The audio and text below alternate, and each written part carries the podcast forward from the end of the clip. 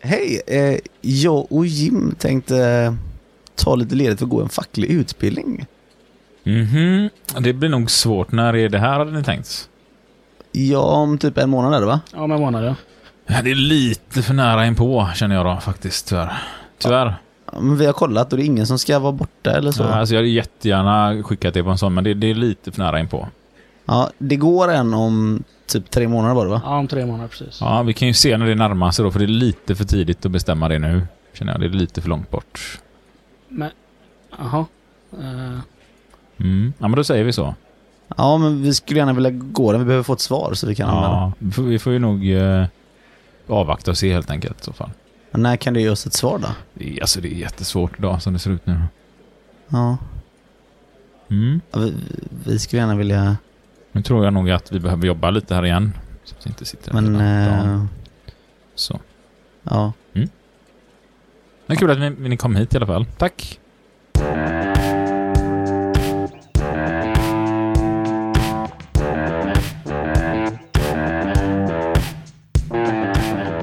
Varmt välkomna till Fuck You Podcast specialavsnitt som görs i samarbete med LO och ABF. Ja, alltså fuck you podcast med A.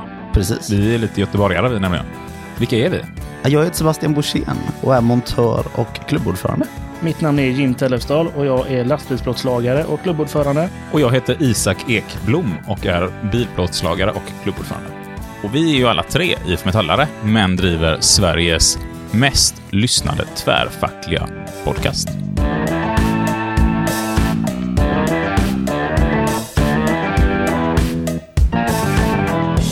Vi prata om studieledighetslagen. En lag som du som lyssnar nu troligtvis har använt eftersom du går en facklig utbildning just nu. Precis. Högst sannolikt i alla fall. Mm. Har ni gått några fackliga utbildningar någon gång? Massvis. Jag har gått många. Ni kanske till och med håller i fackliga utbildningar? Det gör vi. Så är det. Till och med kanske just nu? I poddformat liksom. Så kan Ja, man vi också säga. Ja. Ja. Häftigt. Varje Kul. gång han lyssnar på detta så gör vi det. Men eh, vilka utbildningar håller du annars vanligtvis? Eh, grundutbildningen är allt ifrån hur man är så förtroendeval, lagarna, kollektivavtal. Vad gör du för IF Metall? Jim då? Jag håller utbildningar för medlemmar under 30 och för eh, bilarbetarna. Och jag själv kör en hel del ledarskapsutbildningar, retorikutbildningar sådär, och eh, förhandlarutbildningar. Och massa grundutbildningar ihop med dig. Mm. Eller er. Ska vi hoppa in på det här med studieledighetslagen nu då och liksom titta på vad är syftet med den och när använder vi den och till vad?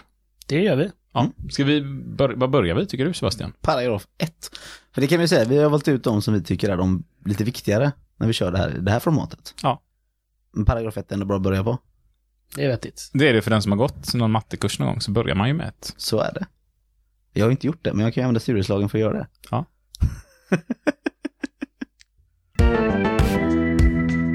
Då går vi in på paragraf 1, rätt till ledighet. Då man kan väl i princip säga att all utbildning ger rätt till ledighet så länge det finns någon form av program för den utbildningen. Vad kan det vara för exempel? Spela gitarr. Lära sig att spela gitarr. Precis. Det kan vara om man vill lära sig sticka, lära sig ta, som du sa, jägarexamen här tidigare, innan vi spelade in. Eller gå eh, som, eller bli läkare liksom. Ja, precis. Paragraf 3, anställningstid då, som gäller för kvalifikationen då, för att omfattas av studieledighetslagen. Och då krävs det att man har varit anställd i sex månader eller minst 12 månader under de senaste två åren för att vara då kvalificerad för att använda studieledighetslagen. Det man kan säga är undantaget här är facklig utbildning. Det är det från dag ett så har du rätt att gå en facklig utbildning på din arbetsplats. Och även kan värt att tillägga i alla fall att det här gäller ju inom hela koncernen. Så har du hoppat mellan olika bolag inom en koncern så gäller det fortfarande. Precis. Ja. Precis. Eller om ditt bolag har köpt upp ett företag nyligen. Så att det är i princip samma tider som när du tittar inom lagen om anställningsskydd, exempelvis. Paragraf 4 och 5. Det handlar om arbetsgivarens rätt att skjuta upp ledigheten. För även, även om vi kan få igenom all ledighet och ha rätt till det, så är det som så att arbetsgivaren kan skjuta upp ledigheten under vissa omständigheter. Det ska finnas skäl till det först och främst. Man kan inte bara skjuta upp den för att. Och här behöver man ju titta lite hur brukar det se ut på arbetsplatsen? Hur länge, hur långa bokningstider har vi? Hur långt kan man planera? Eh, hur fri är man att ta in bemanning och lite sådana saker. Så att det är väldigt mycket som ska vägas in för att de överhuvudtaget ska kunna skjuta på det. Men då är det så här att om utbildningen är kortare än en arbetsvecka, då kan arbetsgivaren max skjuta upp det i två veckor. Så har man sökt ledigt mer än två veckor innan, eller 14 dagar innan, så kan arbetsgivaren inte skjuta mer än så. Så då brukar man säga att då har man fått igenom sin ledighet, om det inte är något väldigt, väldigt särskilda skäl som har hänt. Och då måste arbetsgivaren förhandla med den lokala arbetstagarorganisationen för detta. Är studierna längre än en arbetsvecka, då är det sex månader som arbetsgivaren kan skjuta upp på de här utbildningarna. Men man kan fortfarande inte neka den. Och eh, det ska meddelas skriftligt till facket. Och det ska genast göras, står det i lagen. Så det här är liksom inget man kan hålla inne på i tre månader och sen menar, nej det gick inte, vi får flytta detta. Utan det ska göras med en gång. Och här är ju verkligen mitt tips att man ser till att verkligen skriver ner allting, att man söker ledigheten skriftligt. Man ser till att få det dokumenterat när man lämnar in lappen. Vilket datum lämnade man in lappen? Paragraf 8. Anställningsskydd. Uppsägning eller avsked får inte ske på grund av att man sökt ledigt eller att man har tagit ledigt på grund av studier. Man får alltså inte bli straffas för det. Och paragraf 9 då, det är den som eh, egentligen reglerar hur ska det bli när vi kommer tillbaka efter ledigheten. Och vi, vi har rätt att komma tillbaka till en likvärdig eller samma ställning som vi hade innan. Och det innebär ju att är jag barnskötare exempelvis, så har jag rätten att komma tillbaka efter min ledighet och vara barnskötare. Men det kan innebära att jag kanske inte kan komma tillbaka till samma barngrupp exempelvis. Likadant jobbar man inom en stor industri och montör, som Sebastian. Så har man ju rätten att komma tillbaka som montör. Mm. Men man kanske inte kan få syssla med exakt det man gjorde på samma plats man stod innan. Men det ska vara någonting likvärdigt som är direkt jämställbart. Det är viktigt. Jätteviktigt att ha med sig. Och så är vi på paragraf 10, att avbryta ledigheten. Alltså man har ju rätt att avbryta sin utbildning. Det kan ju finnas olika skäl för det, att man tycker det är svårt eller man har inte råd längre eller vad det nu än kan vara. Så har man rätt att utnyttja då att man kan komma tillbaka. Men då är man skyldig att underrätta sin arbetsgivare om detta omgående. Och då har arbetsgivaren två veckor på sig att se till så att man kan återgå. Har man dock varit borta längre än ett år så har arbetsgivaren en månad på sig att fixa en plats att du kan arbeta på. Och de har möjlighet att även skjuta på detta också, men då ska man underlätta arbetstagaren så fort som möjligt och även den lokala fackliga klubben eller sektionen om varför och hur man då kan göra för att se till så att den anställde kan få en bra återgång igen då. Och det här är en viktig paragraf att ha med sig när man tänker så här, hur ska jag ta ledigt? Om det är en längre utbildning man ska göra så tänker man att ja, men jag vill komma in och jobba sommarlov och höstlov och ledigheter och sådär. Vad, ska man tänka på då Sebastian? Jo men alltså det, det, man ska tänka på är väl att man söker alltså sex månader i förväg om det är en längre utbildning. Att man söker redan, för oftast finns det ett schema som man får när man börjar kursen. Så här kommer det se ut kanske de tre närmsta terminerna eller de fyra, fem och så vidare närmsta terminerna.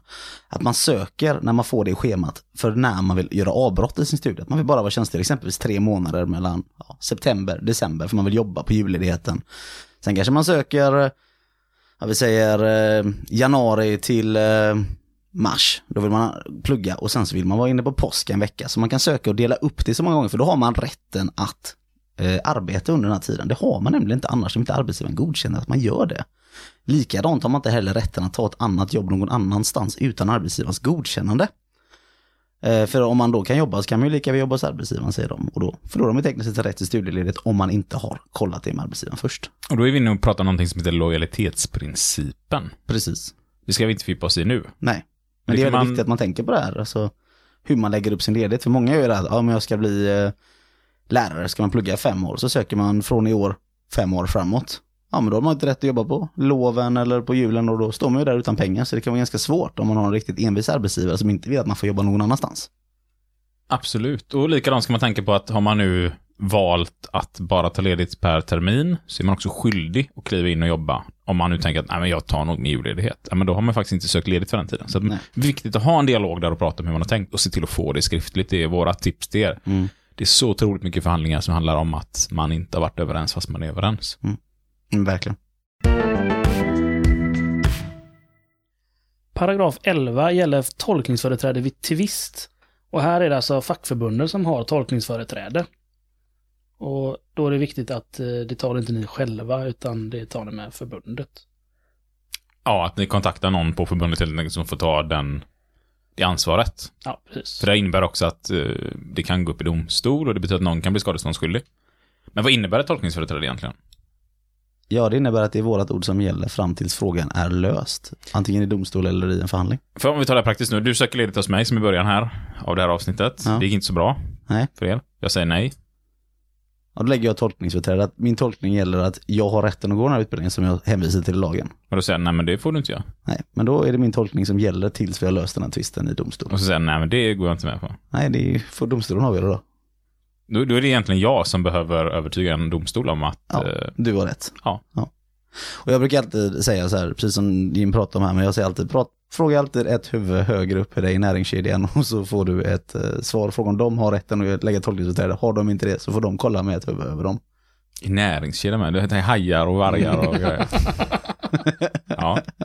Nej men en klok grej. Alltså gör det för att det, det här kan ju innebära stora kostnader. Så att jätteviktigt att vi poängterar det. Att prata med en ombudsman eller med ett förbund eller någon som är anställd på förbundet antagligen. Mm.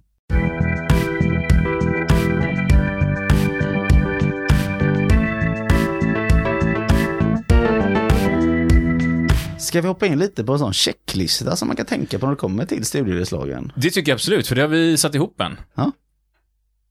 Ha alltid en dialog gällande rutinerna för studieledighet. Och i, idag så kan man ju ha det över mail exempelvis. Om det är ett sätt ni brukar kommunicera med så får man också ner det skriftligt på samma vis. Tycker jag är en bra grej att ha med sig.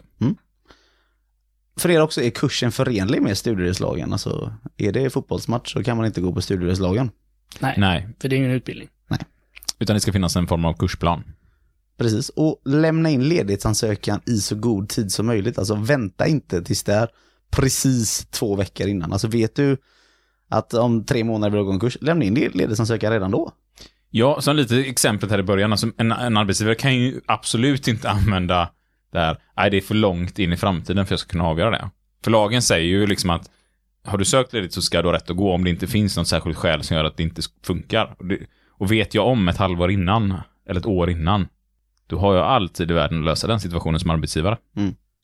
Prata alltid med medlem om den uppkomna situationen. Har ni en medlem nu som ja, ska ta ledigt, eh, får ett nej eller liksom inte får det godkänt av sin chef. Ta tid att gå igenom studierättslagen med individen. Sätt er ner och förklara lite hur det funkar med tiderna hit och dit. Hur mycket kan arbetsgivaren skjuta? Och gå igenom detta och förklara hela tiden va- vart är vi i processen just nu. Och likadant för hur ska du göra ditt upplägg? Om du vill kunna jobba. För, för det missar många. Många säger, ja ah, men jag har koll, jag har koll. Det är så här sex månader innan. Och så tänker vi som förtroendevalda kanske att personen verkar ha koll. Men det är många som bommar det här med att ah, jag vill ju jobba loven eller jag vill ju inte jobba loven eller sådär. Så att gå, sätt er och gå igenom allt. Kanske finns någon bra podd de kan tipsa om. Ja, det finns ju en väldigt bra podd man kan lyssna den? på. Fuck you podcast. Men ja, Där finns det ett avsnitt som handlar om just studierättslagen. Precis. Man får hela lagen uppläst. Ja.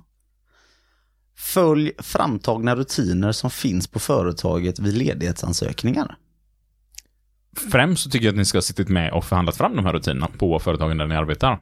Har nu någon tidigare facklig verksamhet gjort detta eller andra förtroendevalda verksamheten så ta kontakt med dem. Så lite, hur var det, hur gick diskussionerna? Något som jag brukar tipsa om är också att när man tecknar ett avtal, att man faktiskt sätter sig och skriver ner andemeningen i avtalen från fackföreningens håll. Lite egna minnesanteckningar och sånt där, där man kan liksom förstå mer än bara texten som finns. Så att man kan följa de här policyerna på ett bra sätt och hur långt innan, för det, det kan variera från arbetsplats till arbetsplats och beroende på vad man har för arbete. En eh, hjärtkirurg kanske har lite svårare att begära en facklig utbildning som börjar om tre dagar. Mm.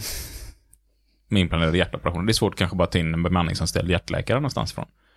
Medan på en annan arbetsplats så funkar det hur bra som helst. Använd alltid skriftliga ledighetsansökan. Lite som vi var inne på. Vi, ska vi kunna lägga tolkningsföreträde eller bevisa vad som gjorts så är det bra om det finns skriftligt allting. Det är väldigt viktigt. Så mailkonversationer, anteckningar och så ledighetsansökan påskriven. Och begär alltid skriftligt svar på ledighetsansökan. Så att det är tydligt också att du har fått svar att det här är okej. Och se till att få datum på det också. När lämnade jag ifrån mig det? När fick jag tillbaka det? Lite sådär. Det kan bli viktigt om man behöver driva någonting. Kontakta alltid avdelningen innan tolkningsföreträde, som vi sa förut. Ja, det är för att inte det ska bli något fel, att ni har lagt fel. Men ni kanske inte hade rätt. Ni kanske har tänkt rätt men det har blivit fel. Så det ska inte ni lägga tolkningsföreträde helt konstigt. Och hur gör jag nu? Om jag som medlem har liksom skickat in ledighetsansökan men, men jag får inget svar från min chef. Och då ska du eh, skicka ett mail till arbetsgivaren eller ett brev och skriva ja, jag vill ha en på Nu har jag lämnat in ledighetsansökan. Jag vill ha svar senast på fredag exempelvis. Om jag får gå eller inte gå på den här kursen.